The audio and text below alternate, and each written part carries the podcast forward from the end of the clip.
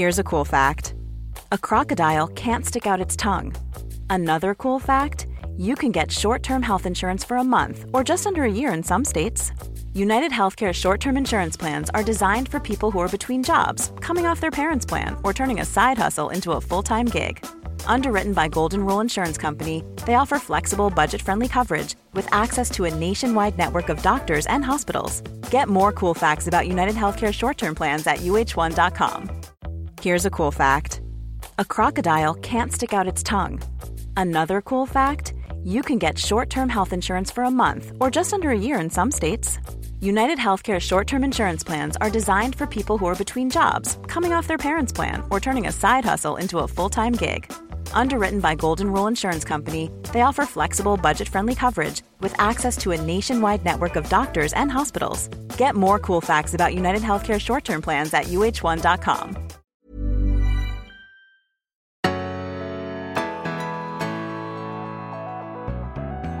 Hej allesammans och varmt välkomna till Berätta alltid det här. Jag heter Frida Boysen. Och jag heter Tilda Boysen. Mm. Har du varit med om att bli utsatt för härskartekniker? Ja, då är du garanterat inte ensam. För det här är vanligare än vad man kanske tror. Mm. Och ett otroligt stort problem. kan vara riktigt, riktigt smärtsamt. Idag har vi en gäst som kommer att berätta mer om vad är egentligen det här med härskartekniker. Hur känner man igen det och vad kan man göra om man drabbas? Vi säger varmt välkommen till Emily Blad, legitimerad psykolog på Mindler med just inriktning på relationsproblem. Mm. Välkommen Emily! Välkommen! Tack så mycket, vad roligt att vara här. Ja, men det är så roligt att du är här.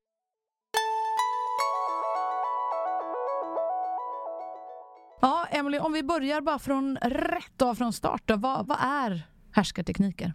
Ja, men härskartekniker är strategier eller metoder som man använder för att upprätthålla eller öka kontroll och makt hos Mm. en annan person.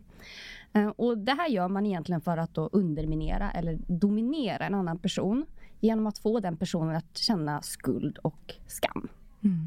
Och hur vanligt är det att man använder det här? Otroligt vanligt. Jag tänker att det är mycket, mycket vanligare än vi tror. Eh, också för att det är en väldigt mänsklig process. Um, härskartekniker kan ju fylla väldigt många olika funktioner, ha olika syften. Och de flesta gånger när vi pratar om härskartekniker så är det ju ett rätt trendigt ämne. Vi pratar Mm. rätt mycket om det idag som någonting väldigt, väldigt skadligt som, som man utsätter varandra för. Och i många sammanhang så pratar man ju om härskartekniker som något ondskefullt och avsiktligt som, Mm. som en person gör mot någon annan. Att man pratar ofta om psykopater eller narcissister till och med. Eh, Men jag tänker också att vi ska lägga lite tid idag och prata på de rätt naturliga härskarteknikerna som vi egentligen alla gör mot varandra. Mm. För de allra flesta härskarteknikerna är egentligen det vi gör i våra egna relationer. Ja. Inom familjen, inom vänskapsrelationer eller inom mor och dotterrelationer här. men, men menar du att härs- härskartekniker rent av kan vara något bra ibland då, eller? Jag skulle nog inte säga att det är bra, men det fyller en, en funktion. Mm. Och jag tror att det som kan vara bra med det är ju när man kan se bakom det. Vad är det för funktion det här fyller? Vad är det för syfte den här härskartekniken finns Mm. för? Mm. Och då kan man ju kika på vad man behöver fylla för behov där bakom. Ehm, när man utövar en härskarteknik mot någon annan, då är det ju ofta för att man själv kanske känner sig osäker eller utsatt eller upplever skuld och skam. Och att det blir ett sätt att spegla tillbaka det på någon annan. Ja. Ehm, jag kommer ge lite exempel på hur det kan se ut. Ja, men Ja, det är jättebra. det är verkligen intresserad Ja, av. precis. Man, man tänker ju... Det vanligaste som jag tänker på det är väl det här att eh, eh, också mycket med kroppsspråk, himla med ögonen, börja titta Mm. på klockan. Men såna här alltså, små liksom, grejer. ja, små... Ja, eh, Och när det blir liksom mycket av sånt så blir det, eller man typ håller en presentation det nu är och så Mm. ser alla så jäkla ointresserade ut. Bara, ah, Ja. ja, det kan Mm. ju... Och den sortens härskarteknik fyller ju något sorts syfte i att den personen som upplever sig kanske uttråkad Ja. eh, har det behovet att på något vis försöka få det här antingen att gå fortare Ja. eller sluta och då kanske gör beteenden, oftast omedvetna, som signalerar det här behovet att jag måste vidare eller jag måste höra på någonting annat. Mm. Som då går ut över den personen som kanske anstränger sig. Mm. Eh, Men, men, men är det inte så också ofta då att, att den som eh, himlar med ögonen lite menande, alltså gör en lite större gest, alltså att det faktiskt går ut på att den som då står och håller det här anförandet ska bli lite osäker eller känna sig lite nervös? Ja. Eller vad, vad tror du? Mm, Men det är då det är på riktigt en härskarteknik. För det är ju f- först en härskarteknik när den ämnar att härska. När den ämnar att visa för någon annan att det du gör är inte bra. Ja. Ja, För jag tänker, jag har ju också gjort så, så här, om det har varit något i skolan och lärare har hållit liksom en genomgång i typ en timme och man känner så här, nu, nu får det räcka. Men då typ kollar man lite diskret på klockan. Det är liksom inte så att jag bara "Åh!" Utan man liksom, ja, jag tänker att det är en viss skillnad där. Som man Ja, märker tydligt liksom när det är så här. En eller- liten fin vink. Ja, exakt. Ja. Och de som då har det behovet, tänker jag, att, att bröla eller att visa lite, lite så här extravagant hur jobbigt någonting är. Det är ju de som har behovet av att visa makt och kontroll i de situationerna. Men om vi går till det här med exemplen då, för att börja där. Vad, vad ser du för olika tydliga varianter av härskartekniker? Gud, det här har jag längtat efter. Ehm, och jag tänker att jag ska använda ja, men oss här i Ja. studion lite som exempel. Kul. Och kommer sätta namn på ett, några vanliga härskartekniker. Eh, och den första som jag tänker att man hör rätt mycket om är någonting som jag kallar för personprojicering. Som Ja. också är ett sorts förlöjligande eller förminskande eller bagatellisering. Till exempel om jag skulle säga någonting nu här till, till dig Tilda som du tar illa upp för. Och så skulle du vilja säga det till mig att det där var inte schysst. Och säga så här. Men oj, Tilda tog du illa upp för det där? Mm. Oj vad känslig du var då. Ja. Och då skickar jag direkt tillbaka till att det var inte jag som gjorde fel. Det var du som gjorde fel och du borde skämmas för att du tog illa upp för den här Ja. grejen. För att du överreagerar. Mm. Det är ju det man signalerar när man säger så, oj men gud tog du illa upp över det där? ja, det är inget härligt. Nej det är ju en jättejobbig känsla. Speciellt när det blir så här. Jag, jag fattar om det typ händer en gång, det tror jag att vi alla har så här, gjort själva omedvetet. Det typ så här, menar, om någon har blivit ledsen och man känner så här, men vad fan, jag, om man tar någon sista tuggummi eller vad det nu är som verkar som en liten grej. Men alltså, jag tänker speciellt om det här blir så upprepande, Ja. att det händer hela tiden för då börjar man ju också så misstro sig själv. Ja. Att är jag liksom, va, va, Jag överdriver Ja, men också så här, är jag berättigad till att känna de här känslorna? Om jag känner så här, men det är inte sant egentligen, utan jag är bara dramatisk. Och, och någonting jag kommer att tänka på när, när du säger det, Emelie, det är, det är det här också eh, när folk ska be om ursäkt. Om, om det har blivit någon, någonting som har blivit fel i en, en relation, dialog, vad det nu är. Och så säger man, eh, ja, förlåt om, om du tog illa upp, om, om, om, om du blev ledsen Ja, för det här. exakt. Ja, om man liksom känner gör vi sig igen. dra över- om du blev ledsen för det här, då hör man ju liksom att om du blev ledsen Ja, man för man det skiftar här. ansvaret man- lite. Ja, då, då är det som, som att ja, jag ber om ursäkt. Men liksom, det är så här, jag ber om ursäkt för att, att jag använde fel ord eller som gjorde dig ledsen. Utan om du blev ledsen. Alltså då är det igen så här. alltså, det är ju inte att be om ursäkt, då är det ju igen Ja. att bara härska. Jag förminska. Ja, verkligen. Och någonting som jag tänker är intressant, det här exemplet som jag sa nu, om jag skulle säga det till dig till, men gud tog du verkligen illa upp över det där? Då är det ett sätt för mig att bolla tillbaka, för du får ju mig att känna mig lite dum. För att jag har sagt någonting som kanske var opassande. Och istället för att då äga det och säga förlåt, så klarar inte jag av att hantera det. Så då säger jag att det är du som inte borde ta illa upp. För då slipper jag känna skuld och skam. Så det är ju en skyddsmekanism att använda många härskartekniker. För att man inte klarar av att känna det. Så man bollar tillbaka det på dig istället. Var skulle du säga att det här är liksom vanligast? Alltså är det så på jobb, alltså på ett arbetsplats eller är det liksom i en kärleksrelation eller vänrelation? Finns det något? Eh... alla relationer skulle Ja. jag säga. Men jag tror att de personer som utövar härskartekniker i större utsträckning är ju personer som kanske är osäkra på sig Mm. själva. Som har kanske svårt att hantera sina egna känslor och skald och skum. Har svårt att stå för att oj, jag gjorde fel och ändå känna sig ändå helt okej med sig själv. Även om man gör fel ibland. Ja. Så det är ju ofta de personerna som kanske lider av egen psykisk ohälsa eller Mm. inte har lärt sig känsloreglering på Mm. ett tillräckligt bra sätt som kanske tenderar att härska.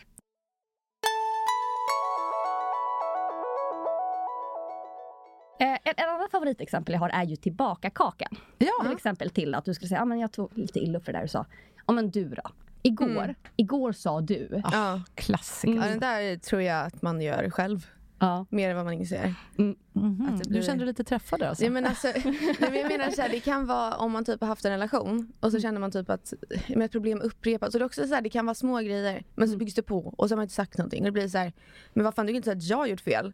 Kolla på historien. Liksom att, Men, men eh, det kanske vi kommer till lite längre fram, men eh, sätt att hantera tillbaka-kakan. Alltså, jag brukar själv när, eh, den där har jag varit med om många gånger, tillbaka-kakan. Och då brukar jag försöka säga, men det, det kan vi absolut prata om sen, men kan vi inte först prata om det jag tog upp nu? Mm. Eh, Det här med att Hålla tråden. Ja, precis. Med att, för nu tog vi upp att du kom för sent till mötet. Jag, jag säger inte att jag är ofelbar, och sådär, men, men kan vi inte bara prata klart om det först? Mm.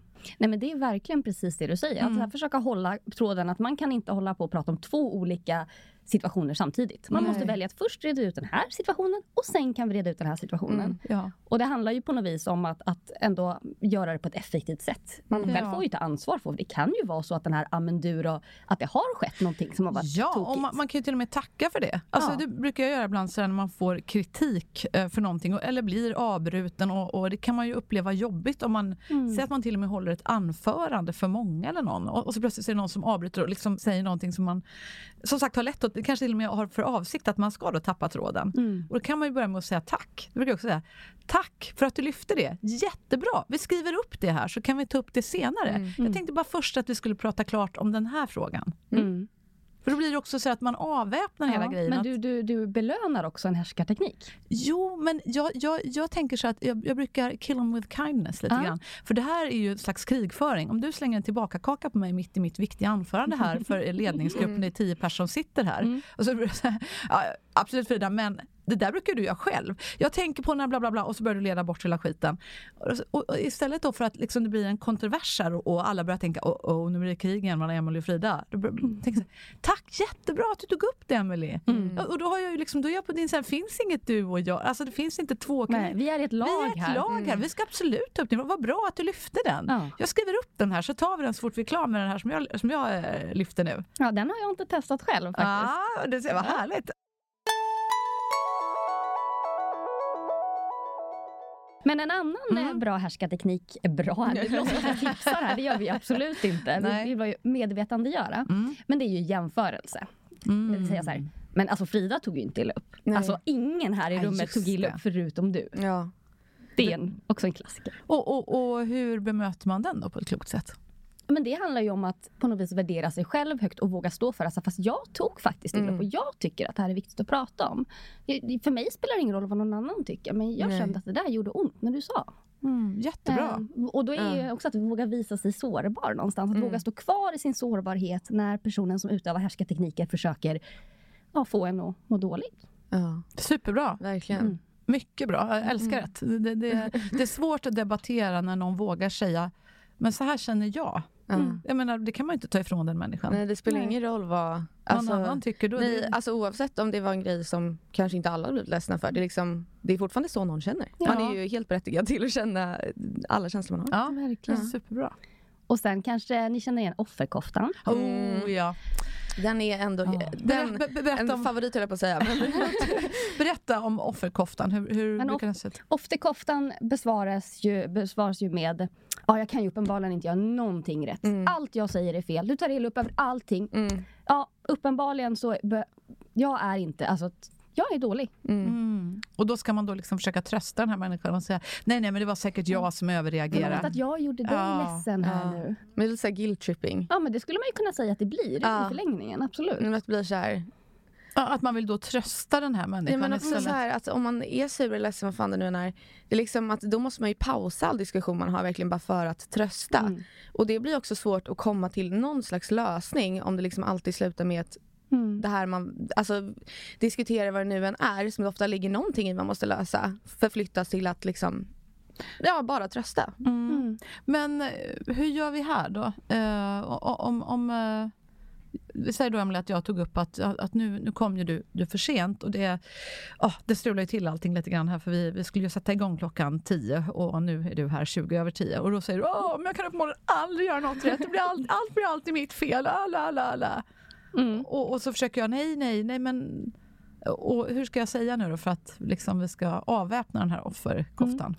Den är ju lite svår för det är en lätt fälla att fa mm. falla i, tänker mm. jag. Syftet med den härskartekniken är ofta, ofta en, en skyddsmekanism. Att man känner sig lite dålig för att man kanske har gjort eller sagt något fel.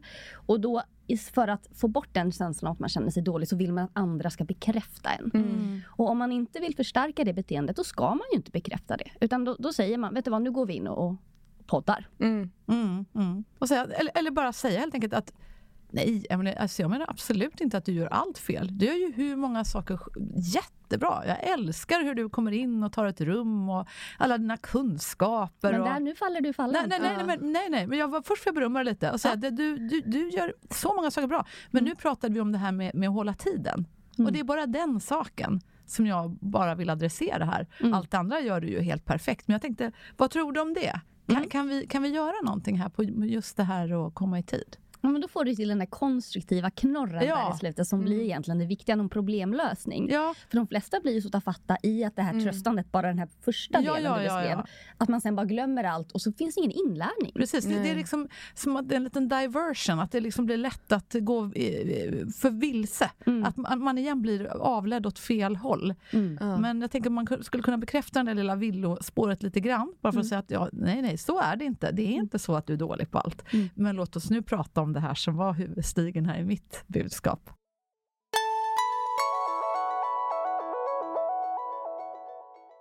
Ja, spännande, bra. Har du, har du ytterligare någon rackare? Ja, men jag har ju smickertekniken. Mm. Ja, men du Frida som har så bra humor, det är klart mm. att du inte tar illa upp för det här. Mm -hmm. den är lurig. Ja, för då måste man på vis säga, nej jag har inte bra humor. Ja. Eller så, det, det, blir svårt eftersom de sätter två motstridiga mm påståenden till en sanning. Alltså här, har du bra humor så tar du inte illa upp. Mm. Nej, och man vill inte identifiera sig med att ha dålig Nej. humor och då är det lätt att man blir lite ja, men vet inte riktigt hur man ska reagera och så kanske man bara låter det bero och ja. inte gör en stor grej av det. Men den är så lite svår att svara på. Mm. Alltså verkligen precis som du säger för då blir det som att ja, jag är en tråkmåns. Jag, är, jag är så jäkla tråkig. Ja, ja, nej, det går inte alls. Det där kom offerkoftan på också. ja, just det. Absolut. Ja. Men hur ska man eh, besvara det då? Ska man säga att ja, nej, jag tog illa upp. Då mm. får jag vara tråkig. Eller vad, vad, ska man... Nej, men jag precis, i de flesta i de flesta tillfällen med de här härskarteknikerna så handlar det ju om att på något vis stå ut med den delen alltså, av skammen och skulden som kommer mm. på en i att äga. Så här, men jag tyckte faktiskt inte att det där var kul. Nej. Ja. Alltså det be behöver liksom verkligen inte betyda att din humor är jättedålig. För Nej. att det är liksom, Nej. vad fan. Nej. Och det räcker egentligen att ja. säga det. Man ja. behöver inte motivera sin humor eller kvaliteten på sin Nej, humor. Man kan bara sant. säga så här, ja vad kul att du tycker att jag bara humor. Jag tyckte nog inte att det där var så kul. Nej, Nej just det. Men är det så, alltså, för jag tänker lite genomgående med alla de här man besvarar, att man liksom inte, det är så här, korta respons på det här. Att det liksom mm. inte blir så här en utläggning eller flera alltså, minuter av att man ska liksom avvärja utan att det blir typ två meningar. Ja, för det, ju mer tid vi lägger på det desto mer mm. energi lägger vi på ett beteende som inte ja. är schysst. Och mer fokus får det än vad vi egentligen ville Prata snacka om. om. Ja.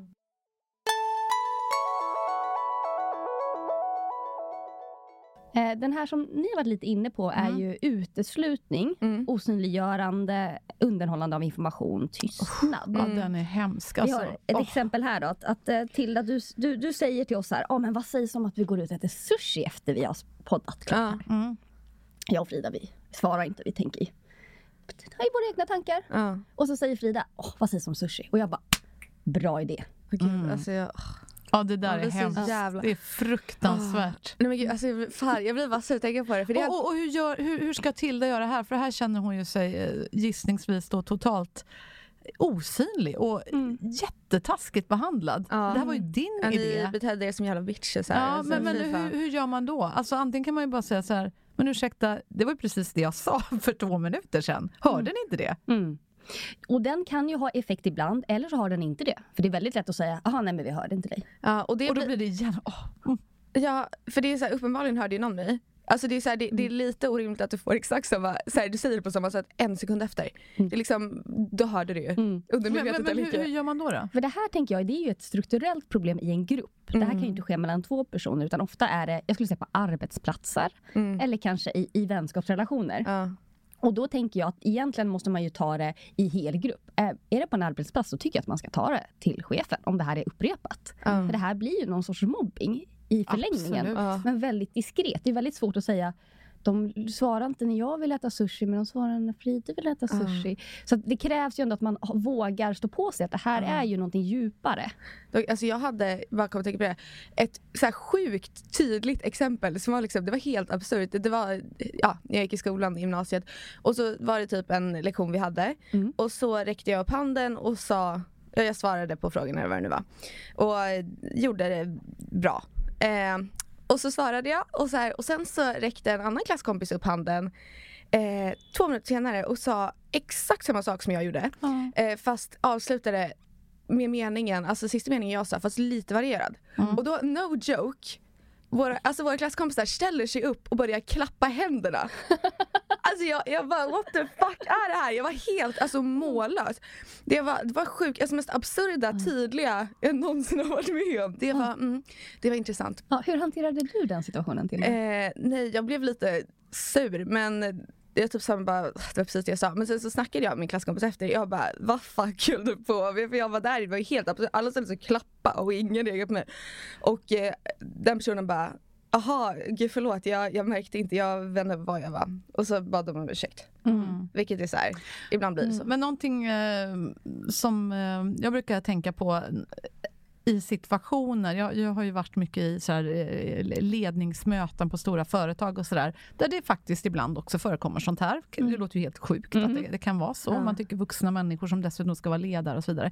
Men om jag har märkt det någon gång att, nej men vänta här nu, det var ju faktiskt precis vad Anita sa här för Mm. tre minuter sedan, Mm. att säga det Ja. verkligen att stötta varandra. Mm. Eh, Och liksom, man behöver inte göra det på ett taskigt sätt. Man kan ju bara säga Ja, men det var ju precis vad Anita sa här för några minuter sedan. Jag, jag, jag vill bara återknyta till det du sa, för jag, precis som du också lyfter här eh, Mm. Bertil. Men, men, eh, Så att man verkligen ger credden till den som sa det först. Mm. Så att man inte...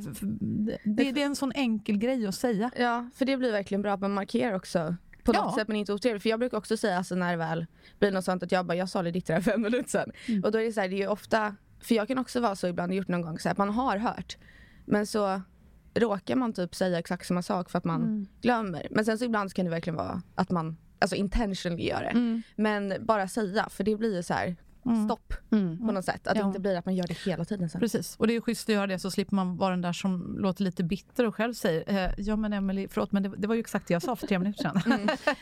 men det kan man ju förstås säga också. Men här som du säger, vi har ett kollektivt ansvar i att Mm. ser vi det här så mm, behöver vi säga någonting. Mm. Tyvärr är det ju ovanligt att man gör det för att det är lite dålig stämning. Alltså att man vill inte vara Mm. den personen som skapar en scen. Men det är det man måste Det komma det man ihåg. måste. För om man inte blir den som liksom calls it out, då blir man ju en i den här eh, mobbing... Strukturen. Ja, och en i mobbingflocket på skolgården får man komma ihåg. Mm. Alla de som står i ringen runt och ser på mobbaren mobba Mm. är en del av mobbningen. Mm. Så, så stå upp, säg ifrån. Ja och på det sättet som du sa. Mm. Jag tycker det är så här typ trevligaste sättet någonsin att säga det på. Mm. För det är så att då kan vi återknyta till det. Alltså det behöver liksom inte bli att du är så ooriginell och så exakt samma sak utan det blir verkligen på ett trevligt sätt. Ja, men precis, ja, men precis som Anita sa här. Ja, men Mm. jättebra. Ja, men fortsätt, förlåt. Ja.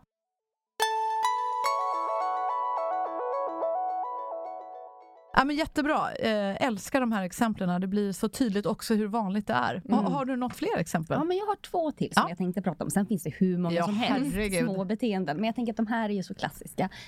Ehm, Jag vill prata lite om den självförvållande härskartekniken. Mhm. Som vi ofta använder mot oss själva utan att vi tänker på det. Oj! Ja, det lät intressant. Och jag upplever, lite bias kanske, men att det är fler kvinnor i arbetslivet som använder den härskartekniken. Mhm. Och det är ju när man börjar prata om eh, någonting Ja. som man vill höja på ett möte kanske. Och säger man, ja jag kanske har helt fel här, men. Ja. Eller så avslutar man med, eh, eller vad vet jag. Mm.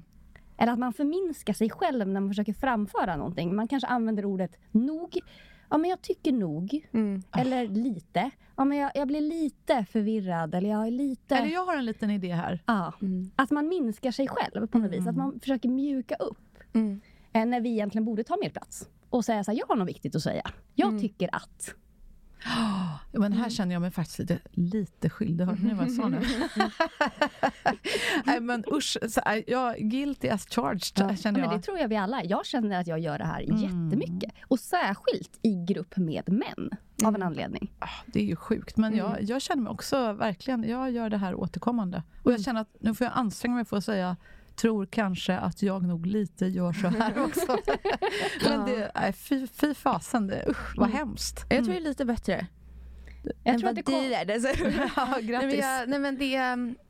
Eller nej, nej, kanske gör det hela tiden ändå. Men jag, jag tror inte jag brukar göra det. Nej, Faktiskt. vad härligt. Ja, då får vi följa ditt exempel då. ja, jag är en Vi får, hoppas att, vi får hoppas att det är en generationsfråga. Ja, så kan det ju vara. Vi, vi är väl lite tripp trapp trull i, i åldrar här tänker jag. Eh, Men, men eh, du är ju tonåring Tilda och eh, jag är hela 49. Du, du är ju eh, inte 19 och inte 49 gissar jag.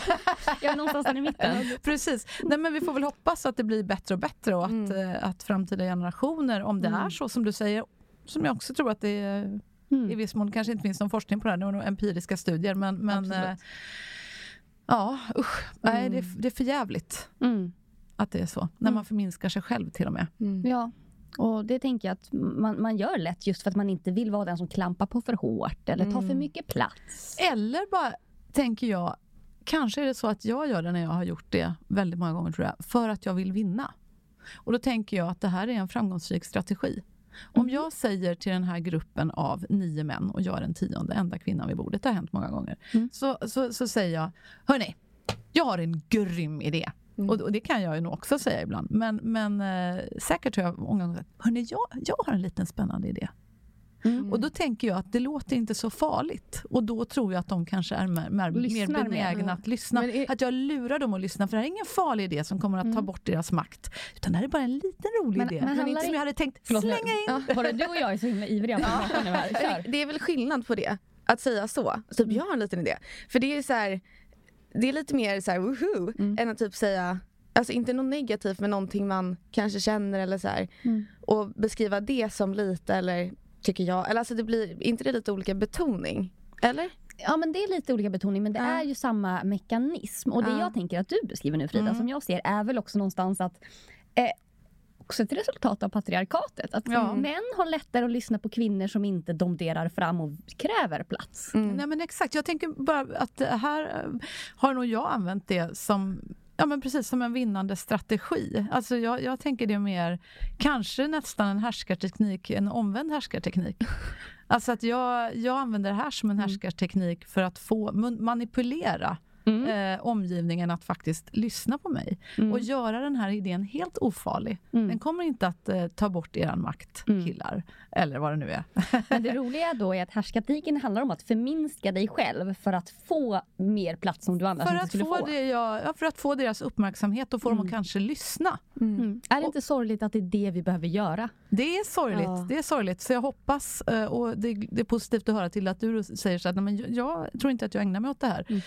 Mm. Skönt. Ja. Det kanske är så att den nya generationens kvinnor Mm. eh, inte känner det här behovet för att vi kanske inte har förhoppningsvis en, en lika patriarkal struktur Mm. i den nya generationen. Jag hoppas det. Ja, Jag, jag vet inte om det handlar om det. Ja, men jag hoppas det kan vara Ja, så. jag- tycker ju ändå att det finns mycket som tyder på att eh, eller är det bara jag som hoppas? Men att, eh, att den, den nya generationen är lite mer jämställda då. Mm.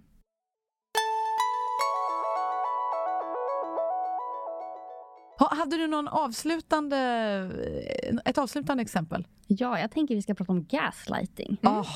Lite det är grann. bra. Ja, men det är ett väldigt trendigt begrepp. Mm, det har mm. funnits länge men det har ju blommat upp nu på senaste Mm. tiden och används väldigt frekvent.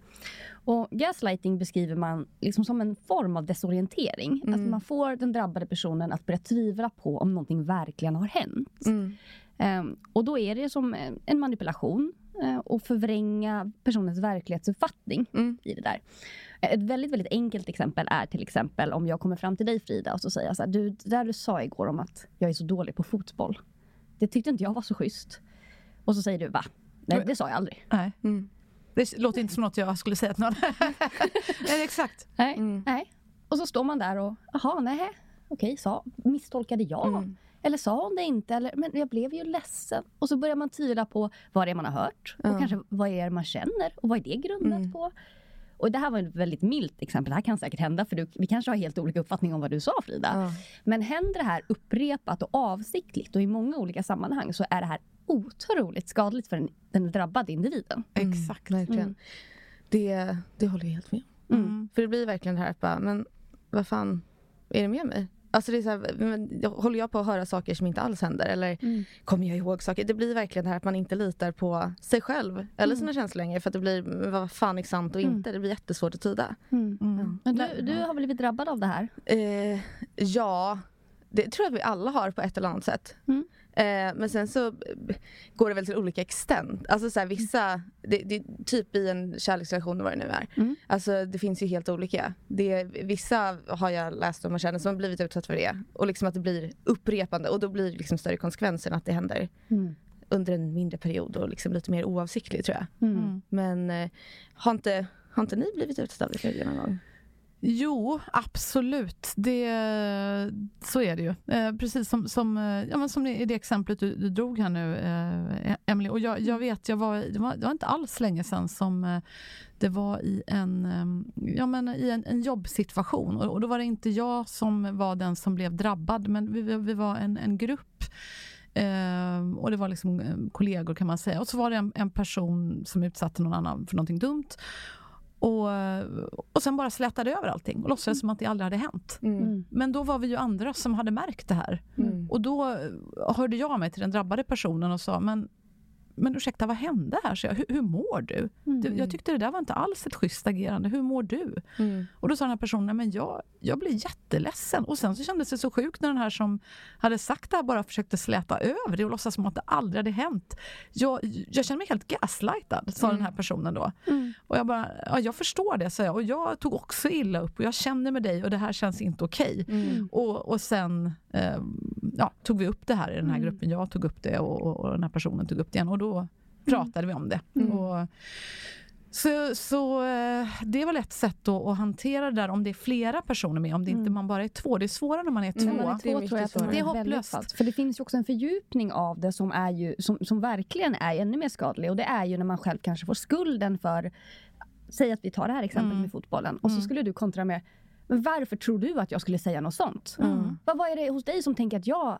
Mm. och så Att det blir lite offerkofta ja, men i att, det också. Ja, men och så får jag känna skuld för att hur, hur kunde jag tro att Frida någonsin skulle säga att jag är dålig på fotboll? Och så, då blir ju du på något vis, åh nej, nu måste jag kompensera för dig. Ja. Och, och så här, Förlåt Frida, det var inte det jag menade. Det är klart att jag tycker att du är en jättebra person. Och, jag, och Ja. Särskilt när det här händer i parrelationer som Ja, är rätt isolerade så exakt. blir det en väldigt skev då, Mm. maktbalans Ja, i det hela. Och man känner sig verkligen inte hörd heller. Nej. Alltså det är speciellt om det är ja, men bråk eller vad fan det nu har varit och så Mm. har det upprepats flera gånger. Och även fast det är olika situationer och så liksom uttrycker man att men vad fan det här har hänt och det här har hänt och det känns inte, jag blir jätteledsen Mm. och det liksom, ja, jag känner mig inte alls lyssnad på eller hörd och det gör mig verkligen ledsen. Mm. Sen bara, men det där har inte hänt. Du, du överdriver. Eller liksom, jag skulle aldrig säga sånt. Alltså det blir verkligen så, men vad fan är det för fel på dig? Det här har ju visst hänt. Jag har i alla fall upplevt det så.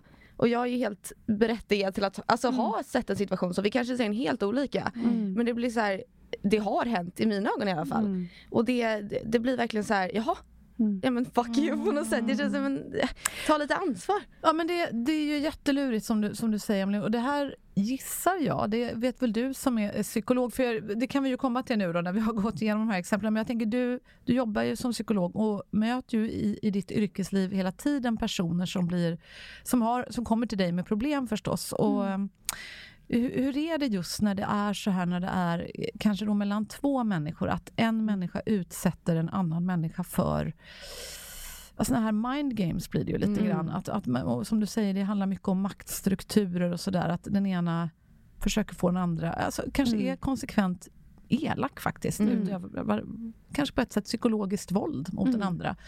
Och, och när den andra försöker ta upp det så säger den, "Vad- menar du? Nej, men det har jag aldrig sagt. Mm. Man bara, eh, jo, det sa du. Vad, vad, vad, vad råder du en person som mår dåligt av något sånt här och Mm. kommer till dig med ett sånt här problem? Vad, vad, vad händer ens när man söker psykologhjälp i ett sånt här fall? Liksom? Ja.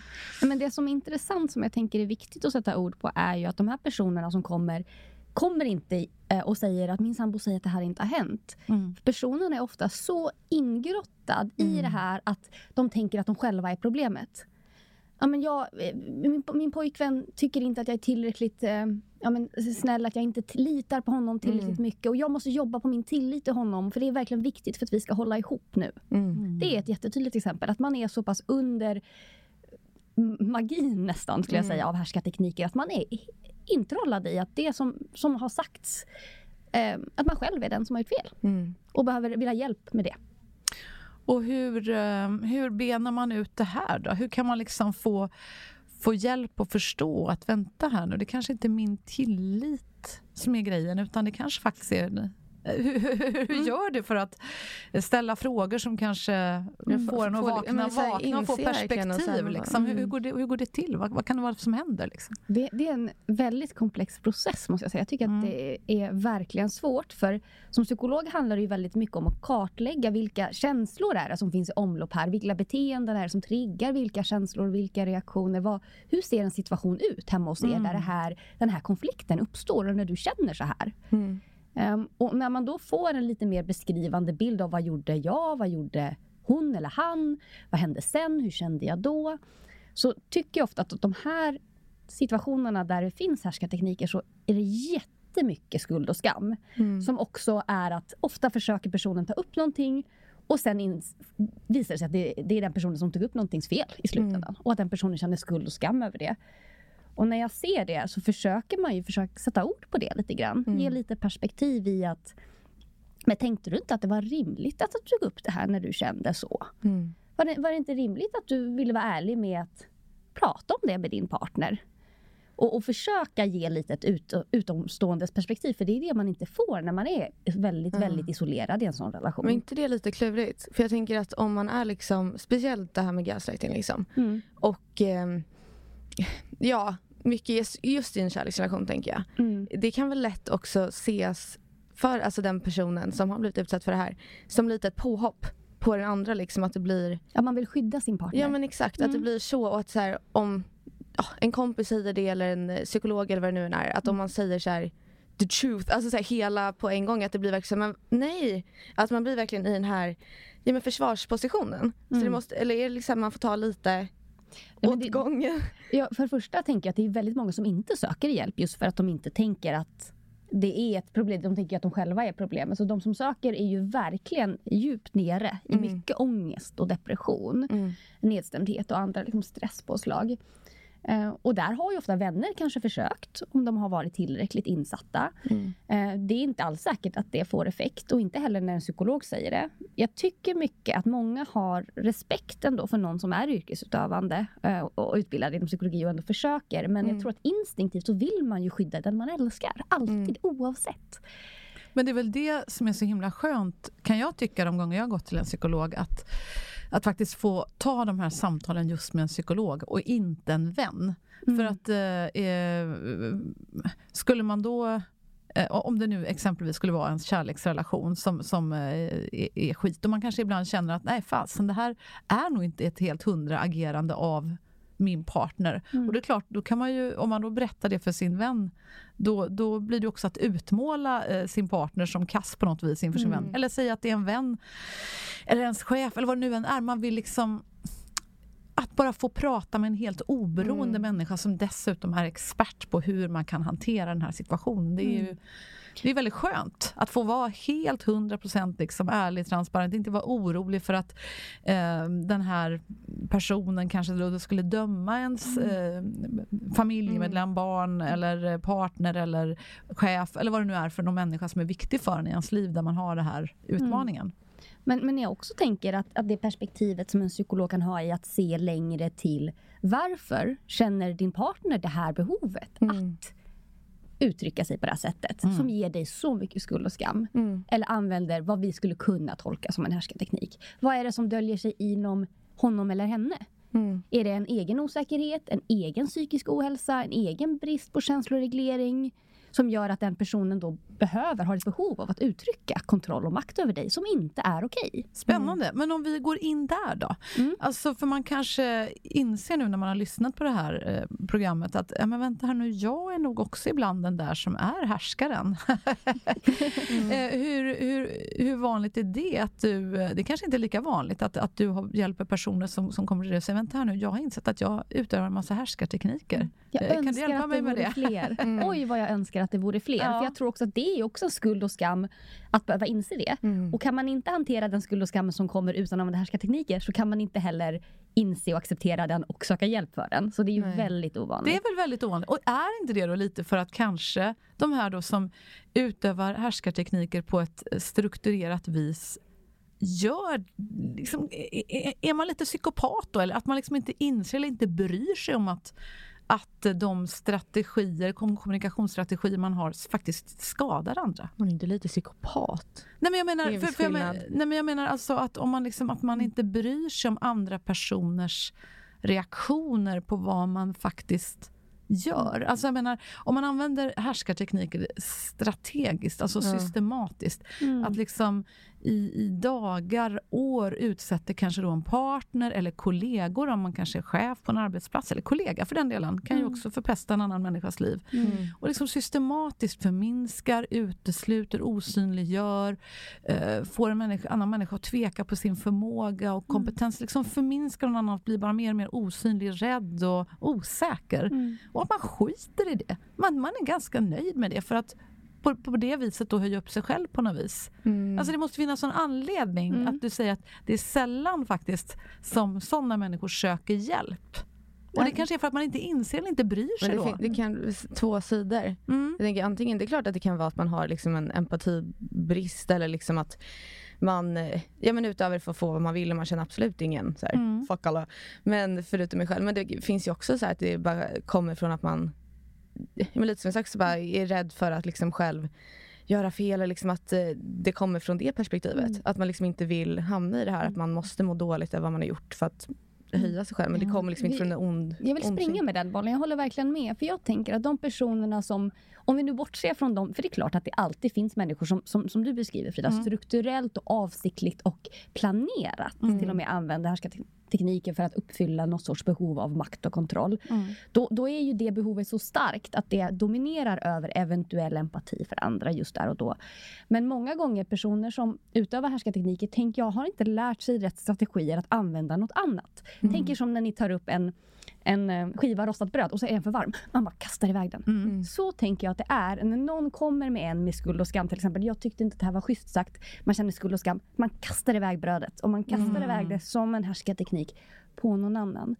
Och här kommer vi in på någonting extra viktigt. För mm. att personer som blir utsatta för härskartekniker mycket, som då märker att det här är så man gör när man, man bollar tillbaka skuld och skam de kan själva börja använda härskartekniker. Det tror jag är jättevanligt. Man smittas. Speciellt tänker jag med barn. Mm. Alltså så här, om man som förälder, och jag, jag, tror inte alltid att det är avsiktligt, men liksom att det blir så här, men det där har inte hänt, det har jag inte sagt. Att det blir liksom att då blir det att man, man själv, alltså man, man ens miljö påverkar ju verkligen mm. hur man själv gör sen. Mm. Hur, men hur är det så här med för jag tänker när man är liten eller liksom i utvecklingsålder får man säga, mm. så är man ju väldigt mottaglig för alltså, sociala beteenden. Ja. Man tar ju efter. Eller som när man har bott i Stockholm så flyttar man till Skåne och så bor man där liksom hur många år som helst. Så börjar man prata mm. lite skånska. Liksom, att det blir mm. lite samma sak. Hur kommer man ur det? Eller hur liksom ett så inlärt beteende som man verkligen lärt sig som man var liten och liksom är... Precis. Hur, hur... Du menar om föräldrar till exempel inte har kunnat äga sina känslor, ja. inte kunnat, ha, kunnat be om ursäkt, har inte kunnat säga oj, där gjorde jag fel, förlåt, mm. utan alltid har bollat tillbaka det på barnet. Mm. Mm. Det är klart att barnet växer upp och använder samma strategi att mm. bolla tillbaka skuld och skam på alla andra. Eh, och kan till och med göra det i relationer och mm. att det blir en, en destruktiv relation där man använder härskarteknik på varandra mm. för det. Just det. Um, och där är det ju ett jättestort terapeutiskt arbete. Mm. Och hur gör man då? För det, det, är ju en jättefin liknelse som jag tror alla kan förstå det här med det brända brödet, att det blir så jäkla man vill bara ha bort det direkt. Mm. Men hur gör man då? Ja, det, du säger det är en komplicerad eh, process helt mm. enkelt. Det där med att lära sig att faktiskt inte få panik över att det är varmt, det är lite smärtsamt men nu tar jag ett andetag och så liksom, Mm. nu tar vi det här. Ja, det kommer att vara lite varmt och jobbigt. Det kommer att smärta lite, men Mm. det kommer inte, det, det kommer inte att, jag kommer inte att dö av det här. Det kommer att brännas lite, och det, men det går över och jag kan hantera det. Mm. Och det, det, det är intressant tycker jag, när du, att, att du liksom också får oss att inte kanske tycka synd om härskaren, men förstå i alla fall lite. Mm. Förstå varför en, en person agerar på det här viset. Ja. Och vi ska inte missförstå, man ska inte leva med en person som utnyttjar upprepade härskartekniker mot en. Det ska man inte vara nära, för det är för skadligt. Så det vill jag ju verkligen inte normalisera på något sätt. Men som sagt, det perspektivet är ju att den personen som är villig att arbeta på sitt beteende, som behöver träna upp sin känsloreglering, att kunna hantera skuld och skam, behöver genomgå terapi där man tillsammans med terapeuten då övar på att framkalla skuld och skam Mm. och att hitta nya sätt att leva med den skulden och skammen i kroppen. Ah. Alltså lite som du säger, lära sig att hålla i brödet. Li- Lite som terapeuten. eh, om man har en så här spindelfobi typ och så får man liksom lära sig att först se bilder på spindlar utan att bli livrädd och sen eh, till slut kanske till och med hålla en spindel och låta den krypa på ens arm utan att få panik. Lite Ja. så. Mm. Ja, Och sen spännande. öva, både i liksom terapirummet men även ute i världen. Att öva på att be om ursäkt, ta emot, landa, Mm. prata konstruktivt. Mm. Men så, det, är en, det är en lång process för det här är ju ändå nästan liksom grundinställningen man har lärt sig många gånger som barn. Att det är så här jag hanterar skuld och skam. Och så måste man bara lära om det. Mm. Ja, spännande och eftersom det här är så vanligt och eftersom du säger att, och du också till att det här går nog ofta i arv, Mm. då måste det här vara eh, extremt utbrett egentligen och någonting som, som, som vi faktiskt är på här, att det kanske sätts oftast ganska tidigt. Men också så här överlevnadsinstinkt på något sätt. Jag tänker speciellt när man är liten och man får det här. Om man liksom själv ska kunna, ja men inte överleva kanske men liksom känna att eh, Ja men på något sätt att man får ut liksom sina känslor. Att det blir, ja men då måste jag respondera tillbaka så. Att det blir liksom, men då mår jag dåligt, men då ska jag få dig må dåligt. Mm. För att annars blir man jätteutsatt liksom på alla sätt och vis. Att åh då gör jag fel, för man, man känner allt det här. Mm. Och istället då att det blir, nej men då bollar man bara tillbaka den här tekniken för att Ja. båda ska känna sig ledsna Ja, eller sårade. båda vill ha kontroll Ja, på ett desperat exakt. sätt. Och då använder man ju härskartekniker, vilket är egentligen den liksom, men, djupodlade sättet att, att få makt och kontroll som, som Mm. går ut över andra människor. Du säger att ehm, man ska inte stanna kvar i, en relation om man systematiskt, liksom typ dagligen blir utsatt för, för härskartekniker. Hur, hur, berätta, hur, hur, hur, hur kan det gå till? Säg, säg att jag skulle vara en, en person som kommer till dig och det framkommer ganska snart för dig att shit, den här Frida hon verkar vara utsatt Mm. dagligen för en person som verkligen får henne att må fruktansvärt dåligt. Och det är inte egentligen fel på... Alltså fel och fel är väl ingen som... Liksom, men, men det är liksom ingen... Det är konstigt med att eh, Frida här mår dåligt över det här, för det är ett sunt eh, beteende. Alltså, vem som helst skulle må dåligt över det här. Vad, vad, vad säger du då? Vad, vad händer då? Mm. Kan du behandla mig ens då? Liksom? Det kanske egentligen inte är något fel på mina reaktioner, att jag är jättedeprimerad, för det är en ganska frisk reaktion. Liksom. Ja, det är ju väldigt rimligt att bli nedstämd när man Mm. blir härskad över på det sättet. Och särskilt om det är så många diskreta små processer som sker dagligen. Mm. Men träffar vi på en, en patient som, som i ditt exempel Mm. Frida är pågående utsatt för psykiskt våld, vilket Mm. jag skulle kalla det, så ska man få hjälp från socialtjänsten och jag brukar rekommendera Kvinnofridslinjen att ringa till dem Mm. eh, och få det stödet och den hjälpen Mm. man behöver. Och, om man då är kvinna. Det kanske finns män också i och för sig. Ja, för, för män så finns det ju en nationella manscentrum Ja, och det. även mansjouren. Och är det så att man är en sån som utövar våld, och då pratar vi både psykiskt och fysiskt, så kan man också ringa till hjälplinjen Välj att sluta. Mm, Så det finns även tips. hjälp för dem. Ja. Jättebra. Men, eh, och, och det kanske rent av också ibland, eller har du, har du varit med om att det, det, det till och med kan vara, inte bara med ord då, men att det kanske rent av är, är liksom polisärende? Absolut. Att man blir utsatt för brott. Alltså kanske Mm. inte bara då eh, genom ord, men om det inte bara är psykiskt våld, men också fysiskt våld. Och det kan ju också vara ekonomiskt våld. Och Mm. våldstrappan består ju av många. Ja. Sexuellt våld. Ja. Mm. Verkligen många olika. Och det tänker jag att man behöver ta hjälp både från Kvinnofridslinjen och, och socialtjänsten och veta när det är läge att polisanmäla. Mm. Mm. Mm. Och till, till oss på Mindler Mm. så, så kan man ju gå när man känner att man har höga symptom av ångest, Mm. nedstämdhet, stress Mm. eller andra saker. Och sen tänker jag att det är också upp till psykologer man, man pratar med. Man är inte alltid medveten att man är utsatt för våld. Och då kanske man behöver någon som säger att men, jag tycker att du ska ta den här hjälpen. Mm. Ja, det tror jag verkligen ofta nog kan vara ett uppvaknande. Mm. Ja, men också bara skönt att känna ja, så här. Verkligen. Ja, men också just få ett utstående perspektiv. För det är liksom ja. inga, kompisar är ju jättebra men det kan också bli att de är, kan vara jävligt partiska. Ja. liksom. och det Då blir det så här kastangumman. Ja men exakt, det är så här, ja, exakt Eller med, med henne. Liksom, att det blir, men det är också skönt att ha någon som inte är jättepartisk. Att det är så här, Nej men precis, jag ja. menar vänner i all ära men, men det kan ju också vara att, att man antingen vill väl som vän och bara säger jaha gud vad jobbigt och bara liksom bekräftar men har, ställer inga vettiga frågor för man kanske inte har den kompetensen eller, mm. eller att man bara säger ja men dra då. Mm. Och, och, det kanske faktiskt finns ett sätt att jobba igenom det här och hitta tillbaka till varandra. Det, det, den där andra, det kanske är ett par som egentligen älskar varandra jättemycket men att den här partnern som utsätter den andra för eh, härskarbeteenden kanske faktiskt behöver hjälp och kan få hjälp och mm. att de kan hitta tillbaka till varandra. Så det, finns det kan ju finnas hopp. Mm. Eh, men jag tänkte nu, det var eh, bra att vi kom in på det. Du jobbar ju på, på Mindler, mm. eh, Emily, och eh, som ju för övrigt är partner till vår podd och det tycker vi är jättehärligt. Mm. Vi är jättetacksamma. Men jag tänker också, hur funkar det? det är nog många som undrar över det. för när man träffar en psykolog på Mindler då ses man ju via inte eh, fysiskt i, i ett psykologrum utan man ses via ett videosamtal. Mm.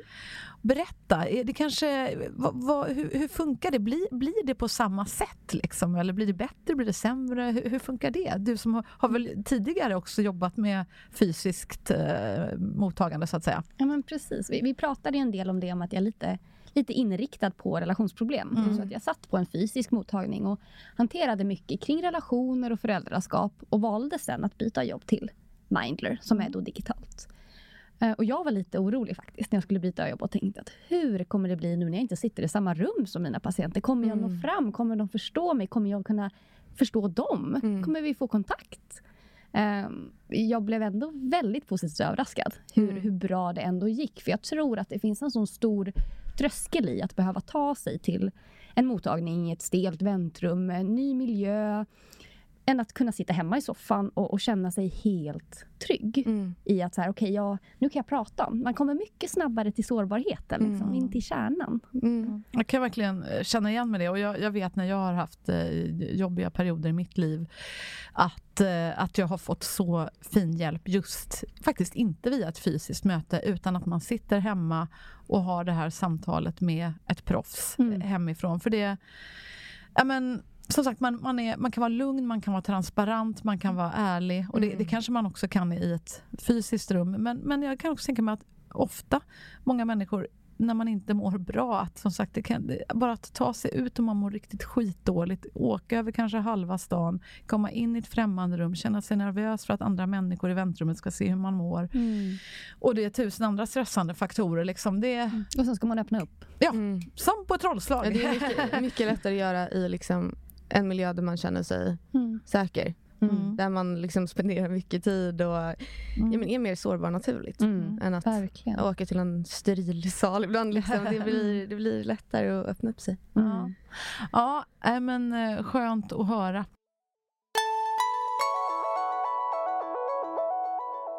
Okej, så härskartekniker, vad, vad tror du om eh, trenden framöver? Kommer vi att se mer härskartekniker, mindre härskartekniker? Vad tror du om framtiden för härskaren? oj, oj, oj. Jag hoppas att vi liksom medvetandegör den här processen mer. Mm. Att flera vågar ja, men, tänka och, och reflektera och, och, analysera lite vad som sker i relationerna. Mm.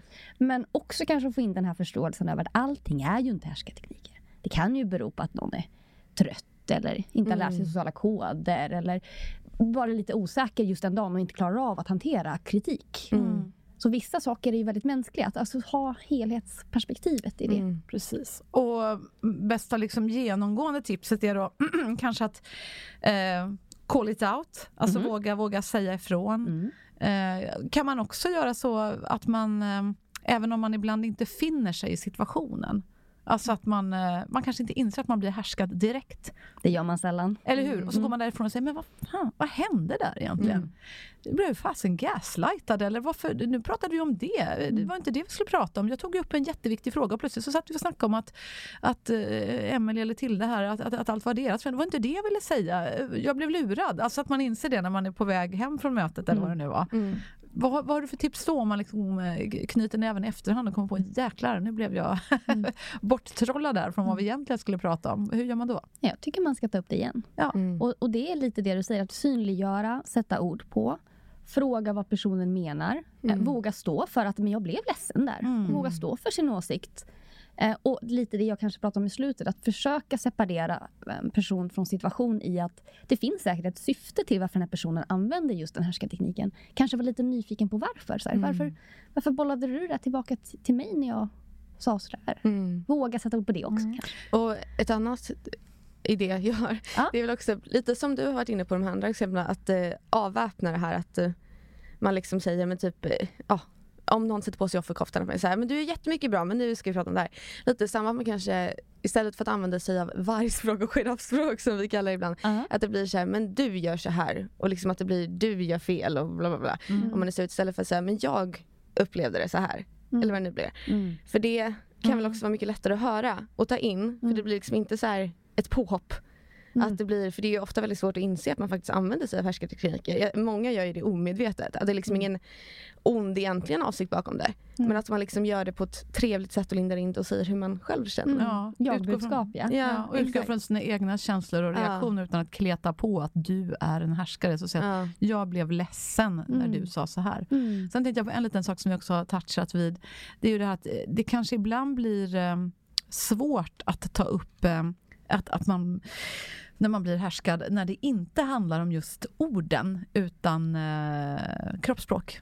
Alltså det här eh, himlandet med ögonen, eller mm. kanske inte ens himlandet med ögonen utan eh, jag vet jag har varit med i, i um, paneler och sånt där på, på, på stora scener och sådär och, och, och någon, någon, gång tänker jag på eh, speciellt det var, det var en, en man som betedde sig fruktansvärt illa mot mig och han ställde, ställde sig liksom hela tiden, vi stod ju typ liksom på en rad och så var det liksom en moderator och sådär och han och jag såg längst ut, han bara vände ryggen mot mig hela tiden. Mm. Alltså ni vet, man bara mm. känner, men herregud vad håller du på med? Liksom, det, ibland är det ju sådana grejer och det, det, mm. det kan liksom bli svårare att ta, liksom att Mm. Eh, men, men, man får väl call it out där. Men jag säger, ursäkta, nu vänder du ryggen till mig här. Är det inte trevligt om vi ser varandra i ögonen? Mm. Och alltså, våga ja. vara den personen. Ja, faktiskt. Mm. mm. Vi har rätt att vara den personen. Ja. För är det någonting som känns fel, då har vi rätt att ta upp det. Ja. Ja. Så enkelt är det. Och med de orden så, så stänger vi butiken idag höll jag på att säga. Men Emily, super, super tack för att du kom hit till eh, Berätta alltid det här. Vi hoppas att eh, du som lyssnar alltid vågar berätta när du blir utsatt för härskartekniker. Mm. Eh, Emily Blad, några sista ord till den som eh, blir utsatt för en härskarteknik. Vad ska man göra? Medvetandegöra medvetandegöra. Mm. Tilda, vad vill du hälsa våra lyssnare? Eh, jag vill säga tack för att ni har lyssnat. Ta hand om dig. Vi hörs snart igen.